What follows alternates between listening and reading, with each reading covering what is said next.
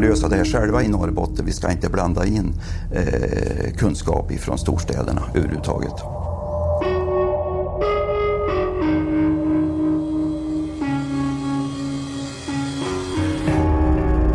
De motsättningarna där är förmodligen förklaringen till att utredningen börjar så, så taffligt. Alltså att det, det, folk lyder ju inte honom när han ger beordrar om att göra så.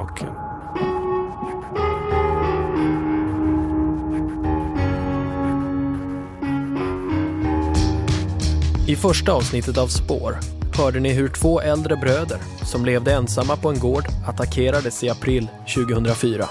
Ännu har ingen gripits misstänkt för mordet och överfallet på två äldre bröder i byn Karlamark utanför Piteå. Den äldre brodern mördades i laggården och den yngre misshandlades svårt in i bostaden. Polisen har heller i nuläget ingen förklaring till varför brödernas bil hittades en kilometer från deras hem.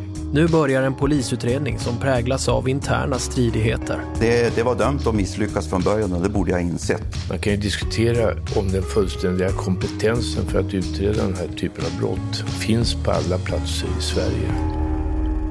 Det här är Spår, Karlamarksmordet. Avsnitt 2. Jag heter Anton Berg. Så här brukar det inte vara.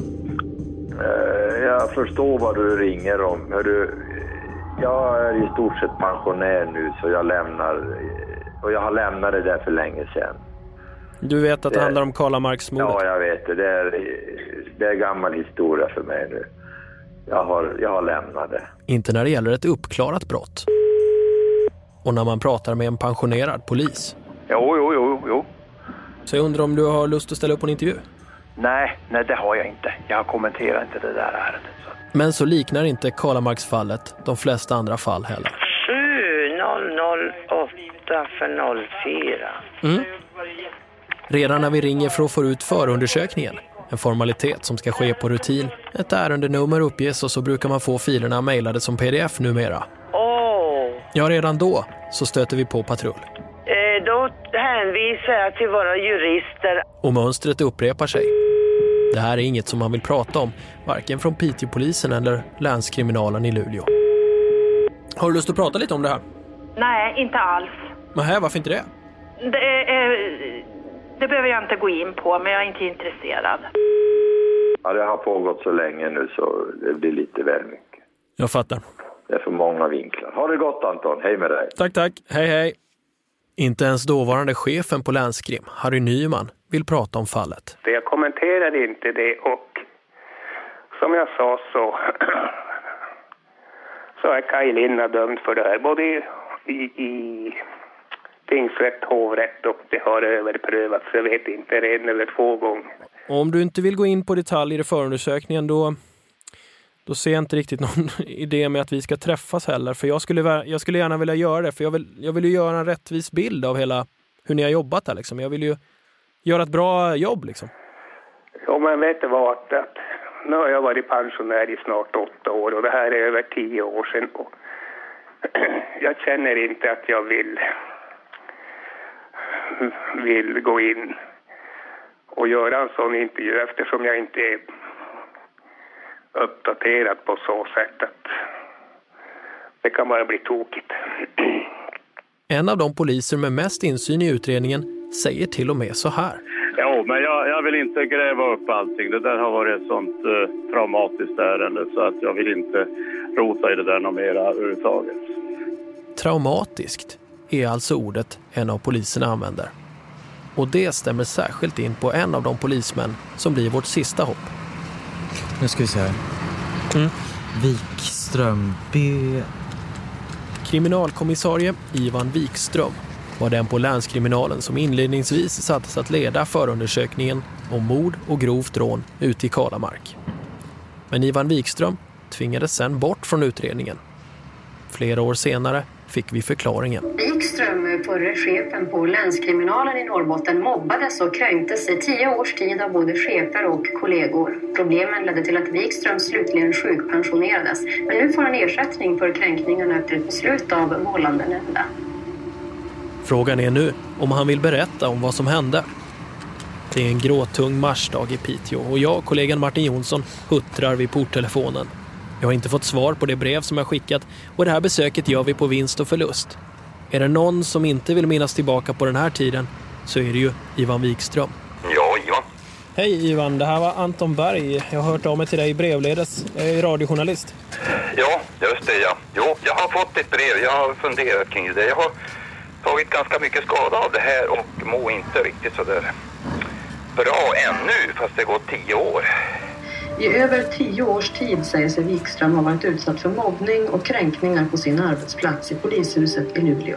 Ja, det kändes väldigt jobbigt. Och alltså jag, eh, man får hem varje dag med gråten i halsen.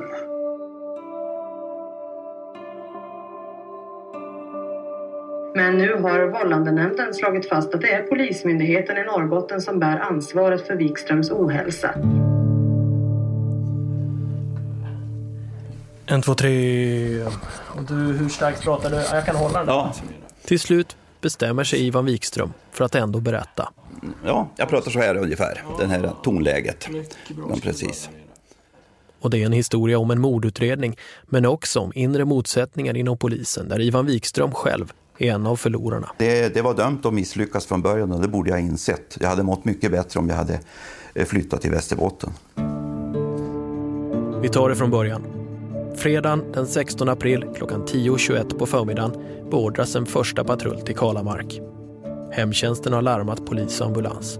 Polisen anländer 10.43. 20 minuter senare begär man förstärkning och en andra patrull anländer 12.00. Polismännen på plats hör först personalen från hemtjänsten och ambulans och sen börjar man prata med grannar. Vid infarten till den här byavägen så bor det ju då folk som, som har anknytning till den här sågen eh, som finns där. Och eh, de hördes ju då väldigt snabbt för att eh, höra om det hade passerat något fordon eller liknande. Men ingen har sett eller hört något fordon hos bröderna. Däremot har ett vittne sett en bil parkerad på Kalahattens parkering, en knapp kilometer fågelvägen från brödernas hus. Den personen beskriver att det, står en, att det stod en bil eh, den här kvällen på den här parkeringsfickan. Och det var ju därför vi började titta på, finns det några spår ifrån parkeringsfickan? Och det gjorde det. Det fanns spår i snön. Kalahattens parkering, mars 2015. Ja, men här är som en vändplan liksom. Här får det plats ett gäng bilar ju. Jo. Tore Falgren var vittnet som såg bilen. Då var han bara 13 år. Och körde dit på sin moped. Jag körde den där vägen eftersom att jag inte var 15. Det är ju som en avlägsen grusväg då, som går mellan byarna. Så att det var ju därför. Tore Falgren är på väg hem till sin mamma men han stannar till vid parkeringen för att kolla om snödjupet tillåter att man tar sig upp till Kalahatten. Det är en utsiktsplats dit en stig leder från parkeringen. Ja, jag kom ju då in här då från Kalamarksvägen och svängde in och vände runt så här och då stod det då en, vad jag då minns, en vit kombi med framändan åt det där hållet mot Kalahatten. Och det syntes ju inga personer eller någonting. Och sen då svängde jag ut och fortsatte hemåt mot Svensbyn. Men du var liksom, du var nära bilen. Hur nära var du tror du? Ja, fem meter ungefär. Jag tror jag vände där vi står nu. Och den står ju där borta då mot soptunnan. Den, den stod inte som man brukar ställa sig på den där parkeringsfickan utan den stod eh, lite snett, eller i vart fall inte som man normalt ställer sig på den där parkeringsfickan. Så att det var någon tillfällig uppställning, så den känslan fick vi. Polisens teori blir att det är denna bil som gärningsmannen använt. Från bilen kan man nämligen säkra spår i snön som leder via en skoterled bort genom skogen, via sågen som är granne med bröderna och vidare mot brödernas gård. Ja, vi, vi följde de här spåren eh, och eh, jag var inte med och tittade på spåren men de gick via området in på baksidan av ladugården. Och eh, det sades då att det var ett enda spår som var färskt och att det fanns ett, ett äldre spår för det hade varit nederbörd, regnat och eh, man kunde se att det fanns en, en åldersskillnad på spåren. Av detta sluter sig polisen till att det rör sig om en gärningsman. Vid sågen har personen hämtat en träregel som sedan används vid både mordet på Roger i ladan och misshandeln av Sune inne i huset. Och vikten på den, ja den är ju 1200 gram och det, det motsvarar vikten på en normalstor huggyxa. Vi hör polisens kriminaltekniker vittna i rättegångarna. Mördaren har slagit åtta slag mot huvudet på Roger med träregeln. Redan där är det ett kraftigt våld. Efteråt är offret övertäckt med fodersäckar och presenningar. Men först har mördaren tejpat för munnen på ett märkligt sätt. Det har funnits ett ytterligare syfte med det än att bara få honom att eh, vara tyst.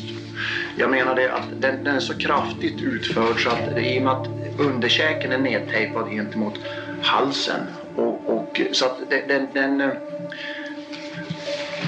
det måste finnas något annat bakomliggande än bara att, att få tyst på honom.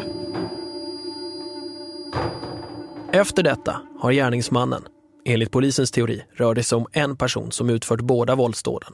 Alltså tagit med sig träregeln in och misshandlat Sune som då befunnit sig i sin säng.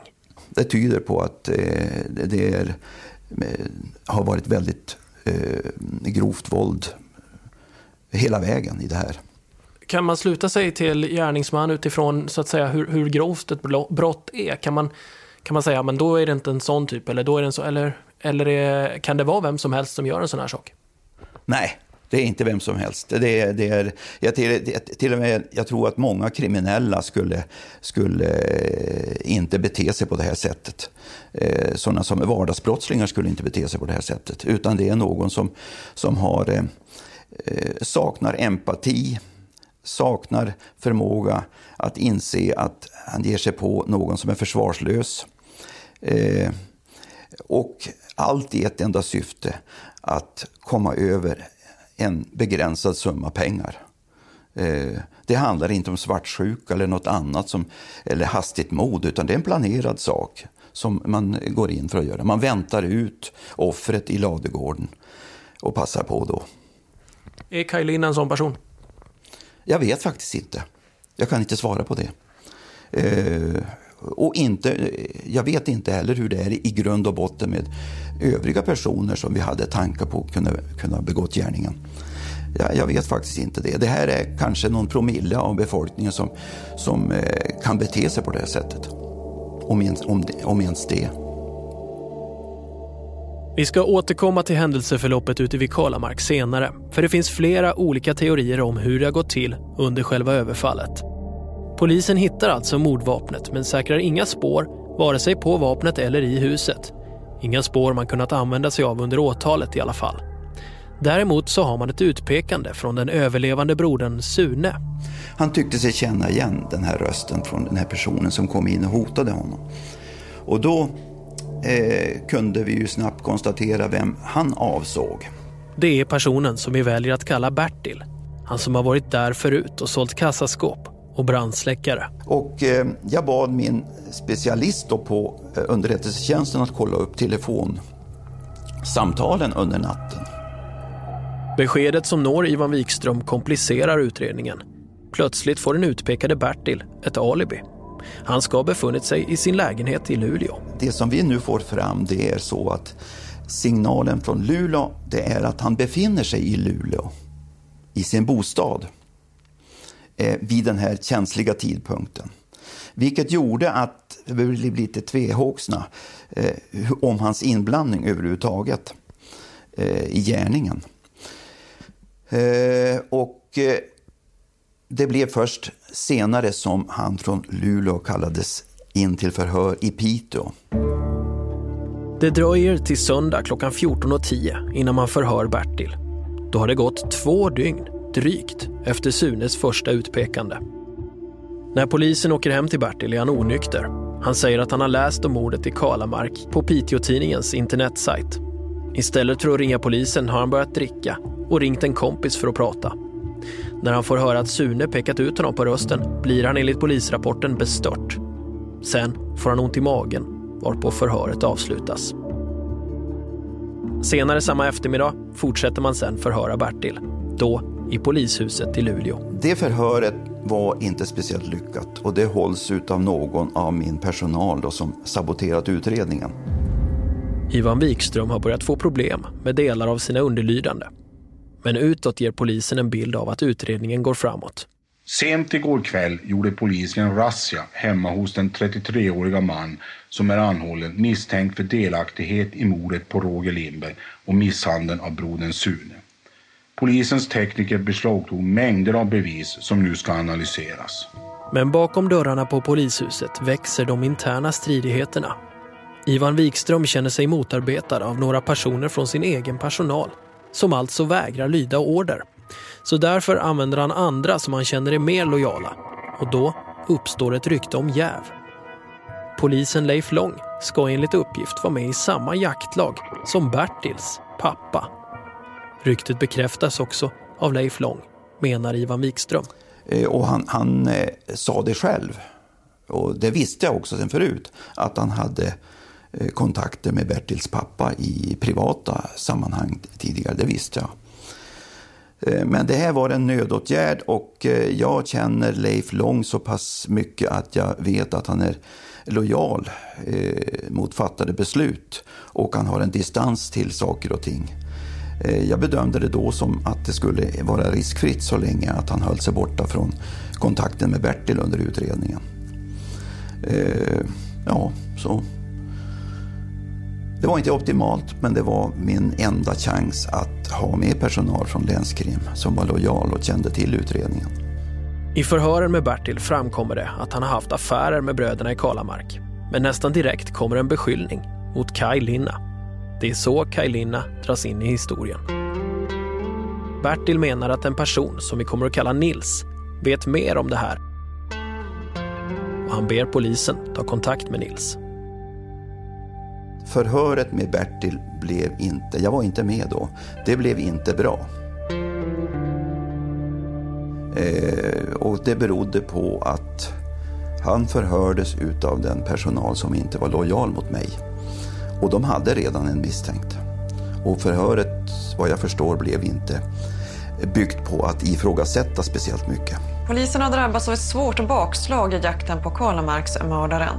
33-åringen som sedan i söndags har suttit gripen släpptes för ett par timmar sedan på fri fot. Polisen har inte tillräckligt starka bevis för att begära mannen häktad.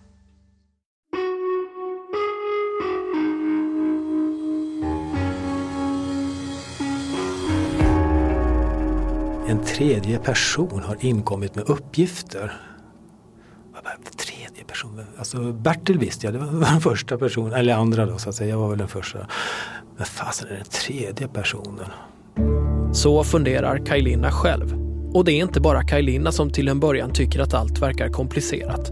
Men egentligen kan man säga att den här historien handlar om tre personer som på olika sätt spelat roll för utredningen. Kajlina är dömd för mordet. Men det var Bertil som greps först och som kändes igen på rösten. När Bertil sen förhörs menar han att det är Kajlina som är skyldig. Och som stöd för det här menar Bertil att polisen ska prata med Nils. Nils vet allt om hur det ligger till. Det är Nils som är den tredje personen. Sen när Nils är upp han, då börjar det liksom att klarna lite grann. Anton Berg heter jag, jag är radiojournalist. Ja, just det. Det var du som eh, skulle göra en podcast va? Så är det. Ja, jag tänker inte medverka i själva podcasten, men du kan tala med mig och ställa frågor och så. Okej, okay, för att... Uh, ja, det var precis det du ville va? un, ungefär så är det ju. Jaha, okej. Okay. Uh, är det okej okay om jag bandar det här samtalet då? Men helst inte. Kan vi ta det här som ett inledande samtal utan bandning? Ja, det kan vi göra. Nej, Nils vill inte att vi bandar honom när jag ringer upp. Vi kommer få anledning att återkomma till honom och vad han vet och inte vet. För det här är en högintressant person. Det märktes redan vid första förhöret, menar Ivan Wikström. Jag satt med vid det förhöret eh, och jag fick en känsla av att eh, det här, den här personen är inte ärlig. Och, det, det bygger jag på min kunskap om människor som jag träffat under alla dessa år i olika sammanhang. Eh, att det här, den här mannen, den, han har mer vetskap om det här än vad vi kunde ana då. Och det var ju därför jag eh, beordrade personal att åka ner och höra honom på nytt. Alltså, han hörs ju i egenskap av vittne va? Inledningsvis. Ja, det stämmer det. Det stämmer, han hörde som vittne. Och eh, tanken var ju då att eh, det förhör som skulle hållas i, i Sollentuna, det skulle vara mer eh, krävande på honom. Eh, vi skulle ställa frågor och ifrågasätta en del av hans berättelse om det, om det uppstod sådana. Eh, så att eh, där fanns det mycket som jag förväntade mig skulle komma ifrån det förhöret. Och som sagt var, det fanns en beredskap att få honom anhållen också. Som delaktig på något sätt i, den, i, i ärendet. Men den här utredningen går inte som Ivan Wikström tänkt sig. När Kajlinas namn först dyker upp, alltså när Bertil förhörs och sen också när man tar in Nils, vill Ivan Wikström få tag på Lina. Det man vet är det som Nils berättar. Att Lina lämnat Norrbotten för att köra ner till Stockholm och bo hos sin pappa. Jag hade ju varit utsatt för sabotage i utredningar tidigare och nu kom då den första indicien på någonting som inte stämmer. Vi fick veta nämligen att Linnas pappa bodde i Stockholm. Så bad jag att man åker ner och hör honom. Det här blir en fördröjning på det här. Vilket leder till att vi vet inte om Linn hade besökt sin pappa, utan han hade fortsatt söderut. Den här fördröjningen gjorde ju att vi hann aldrig prata med Linna, höra honom i Sverige, utan han försvann. Och så kommer nästa eh, sabotage mot utredningen och jag, jag, säger så här, jag hade pratat om det länge, att vi måste få tag på den här killen från Sollentuna så snart som möjligt. Killen från Sollentuna, det är Nils. Ivan Wikström är inte nöjd med de förhör som har gjorts. Nils har lagt skulden på Kajlina i förhören. Han påstår att Kajlina berättat om att begå brottet och att det stämmer med det som sen skett. Men om Nils vet detaljer kring vad som har hänt, kan det då inte vara Nils själv som är gärningsmannen? Ivan Wikström vill pressa Nils hårdare och pratar också med jouråklagaren som jobbar den här helgen för att förbereda ett eventuellt gripande av Nils. Och därför så beordrar jag två stycken ur min, eh, min personal då från Länskrim att snarast åka ner till Sollentuna och, och eh, tillsammans med Sollentuna polisen få ett möte med honom. Men efter helgen får Ivan Wikström ett besked som gör honom både förbannad och oroad. När måndagen kom så var jag nere i Stockholm på ett möte med Rikskriminalen. Och när jag kommer tillbaka på måndag kväll så får jag veta att det här förhöret i Sollentuna, ingen hade åkt ner. Eh, på tisdagen så ringer en av de här utredarna och säger att vi behöver inte åka till Sollentuna, vi har pratat med våra åklagare i Luleå. Och han säger att det behövs inte. Och det här innebär ju att jag, jag kan konstatera ytterligare sabotage mot utredningen. Det här var väldigt brådskande. Och det här är ju en åklagare som jag haft kontroverser med tidigare, i tidigare eh, våldsutredningar. Eh, så att eh, jag förstod ju att det här skulle inte bli av något förhör med den här eh, killen i Sollentuna. Det är åklagare Mikael Lundqvist som tagit över som förundersökningsledare. Mikael Lundqvist, åklagarkammaren. Hej Mikael, det här var radiojournalisten Anton Berg igen. Hej. Hej, jag ringde dig i fredags men då mådde du inte så bra. Jo, nu mår jag mycket bättre. Ja, vad bra. Men jag ska säga så att jag funderar lite grann på det där och låter det sjunka in lite. Och jag har inte för avsikt att medverka i det där. Det, det ligger för långt tillbaka i tiden eh, för att jag ska tycka att det är något som jag vill eh, kommentera. Det blir, eh, det blir så, så det, det, är så fjärran från, eh, från från det jag har i huvudet nu, vad som hände då. Så att eh, jag är inte beredd att medverka i, i ditt program, vilket jag förstår att du inte tycker om, men så blir det i varje fall. I programmet riktas ju också, kommer att riktas kritik alltså från Ivan Wikström mot eh, polischefen men också mot dig som åklagare då. Mm. Och ditt sätt. Ja, det är det jag är beredd att ta. Ja, du vill inte bemöta den liksom? Nej. Eller nyansera den bild som han ger? Nej, nej det har jag inget, inget behov av. Jag fick veta av kollegor som fanns i Luleå som inte hade med ärendet att göra att de här, min underlydande personal sprang omkring i polishuset för att bli av med mig som, som eh, utredningschef. Och sen så är det en viss eh, prestige i att vi ska lösa det här själva i Norrbotten. Vi ska inte blanda in eh, kunskap ifrån storstäderna överhuvudtaget. Nu skulle en enkel fråga vara befogad. Vad är det som händer? Här har ett av de grövsta våldsbrotten de senaste tio åren inträffat i Piteå-trakten och som när länskrim från Luleå ska förstärka menar chefen där att han utsätts för ordervägran och sabotage av sina egna utredare. Spår har kontaktat en mängd poliser och åklagare som då var med, men ingen vill prata med oss. Därför har vi bara Ivan Wikströms version av det som hände. Men den versionen stöds av det beslut som vållandenämnden fattar 2009. Men nu har vållandenämnden slagit fast att det är Polismyndigheten i Norrbotten som bär ansvaret för Wikströms ohälsa. Ett beslut som innebär att han via pensionsfonden AFA får ersättning för flera år av inkomstbortfall. Ivan Wikström menar att han försökte få ordning på utredningsarbetet genom att flytta på de personer som inte utförde hans order. Men att det istället slutade med att han själv fick lämna mordutredningen. Jag hade skickat hem två av mina medarbetare som saboterade utredningen och som hade saboterat tidigare utredningar. Och bytt ut dem mot ny personal från Luleå som skulle samarbeta med Pitepolisen. Och det här, då bad eh, min närmaste chef, alltså länskrimchefen i Luleå, mig att ta tillbaka den personal jag ursprungligen hade haft med mig från länskrim. Och jag sa det, jag har kommit överens med polisen i Piteå och även eh, områdeschefen i Piteå om att de här passar inte in i den här utredningen eftersom de håller på att sabotera den. Och eh, det hjälpte inte att jag sa det utan jag skulle omedelbart ta tillbaka dem. Eh, det gjorde jag inte och sen så blev jag bortkopplad från utredningen. Ivan Wikström säger idag att han hade velat pressa både Bertil och Nils hårdare. Men att han ändå delar känslan som fanns i utredningen när han lämnade den. Jag, jag har en känsla av att det är rätt gärningsman, att han var inblandad Linna. Och att det, jag hade en känsla av att det var han som hade krypit in genom lagårdsgluggen där och begått gärningen. Tillhopa då med eh, det jag tänkte på övriga indicier. Eftersom vittnet Erling, mannen som bor granne med bröderna, säger sig ha sett en person klättra in genom en glugg i ladan samma kväll som bröderna attackeras, blir storleken på den här gluggen en viktig punkt i utredningen. Ni som lyssnar via Acasts app eller acast.com kan nu se en bild på gluggen vi pratar om. Vem är så spänstig att man kan hoppa lite grann upp för att nå upp på det här hålet och krypa in. Och dessutom är det ganska begränsat utrymme. Och då tänkte vi på den här killen då från Sollentuna. Då, Nils. Eh, att han var ju ganska korpulent och eh, inte alls speciellt smidig i sin kroppsbyggnad. Och så tänkte vi på hur ser eh, Linna ut? Ganska liten, spänstig och skulle kunna vara. Det var alltså ytterligare ett indicium då på att det skulle kunna vara Linna det här. Förutom det som vi redan visste.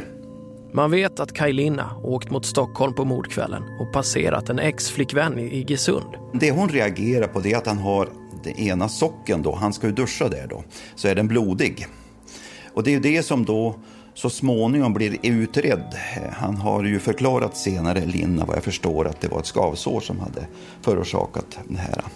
Polisen menar också att i bostaden som Kaj Linna hyrt i Vistträsk nära Älvsbyn saknas det nu ett par blå arbetsbyxor samt ett par arbetsskor. Och då börjar vi tänka så här, har han haft på sig skor och gått i djup snö en längre sträcka skor som inte passar honom så är det väl rimligt att man kanske får skavsår av de skorna. Men de skorna påstås saknade i Älvsbyn. Det här är den hypotes som polisen arbetar efter när Ivan Wikström lämnar utredningen. Då saknas det teknisk bevisning som binder Kajlina till platsen. Så mycket återstår innan man kan väcka åtal, menar Ivan Wikström. Av många orsaker så, så faller väldigt mycket tyngd på Linna i utredningen. Och att han är nyckelfiguren i det här. Det gick aldrig få fram från honom, vad jag förstår senare, att han skulle eh, överhuvudtaget ha, ha begått den här gärningen, att han överhuvudtaget hade befunnit sig i Karlamark. Eh, det gick inte att få något bevis på det. Och, eh, så det här var ett gungfly, utredningen, när jag lämnade den. Och jag tycker att den var det även fortsättningsvis också. Eh, det är ett gungfly. Och eh, utom allt rimligt tvivel är det ju inte. Det är det inte i nästa avsnitt av Spår. Åklagaren Mikael Lundqvist måste övertyga tingsrätten om att den misstänkte gärningsmannen har genomfört brottet trots att det saknas teknisk bevisning i form av fingertryck eller DNA. Vi tittar närmare på rättegångarna som fällde Kaj. När man dömer eh, människor utan att eh, kunna förankra det i en stark och, och entydig bevisning så kommer känslan av orättvisa att alltid att leva kvar. Tingsrätten kan inte utesluta att Nils ljuger och skyller på Kaj Linna för att skylla sig själv och eventuell annan gärningsman. Så står det alltså i tingsrättens dom. ja. Spår görs av produktionsbolagen A1 Produktion och Ljudbang tillsammans med Acast. Ljudtekniker är Jonas Sjöberg. Researcher Lisa Dumoulin. Produktionsassistent Anton Emanuelsson Vretander. Exekutiv producent på Acast är Carl Rosander. Fortsätt diskutera spår med oss, Anton Berg och Martin Jonsson, under hashtag Kalamark.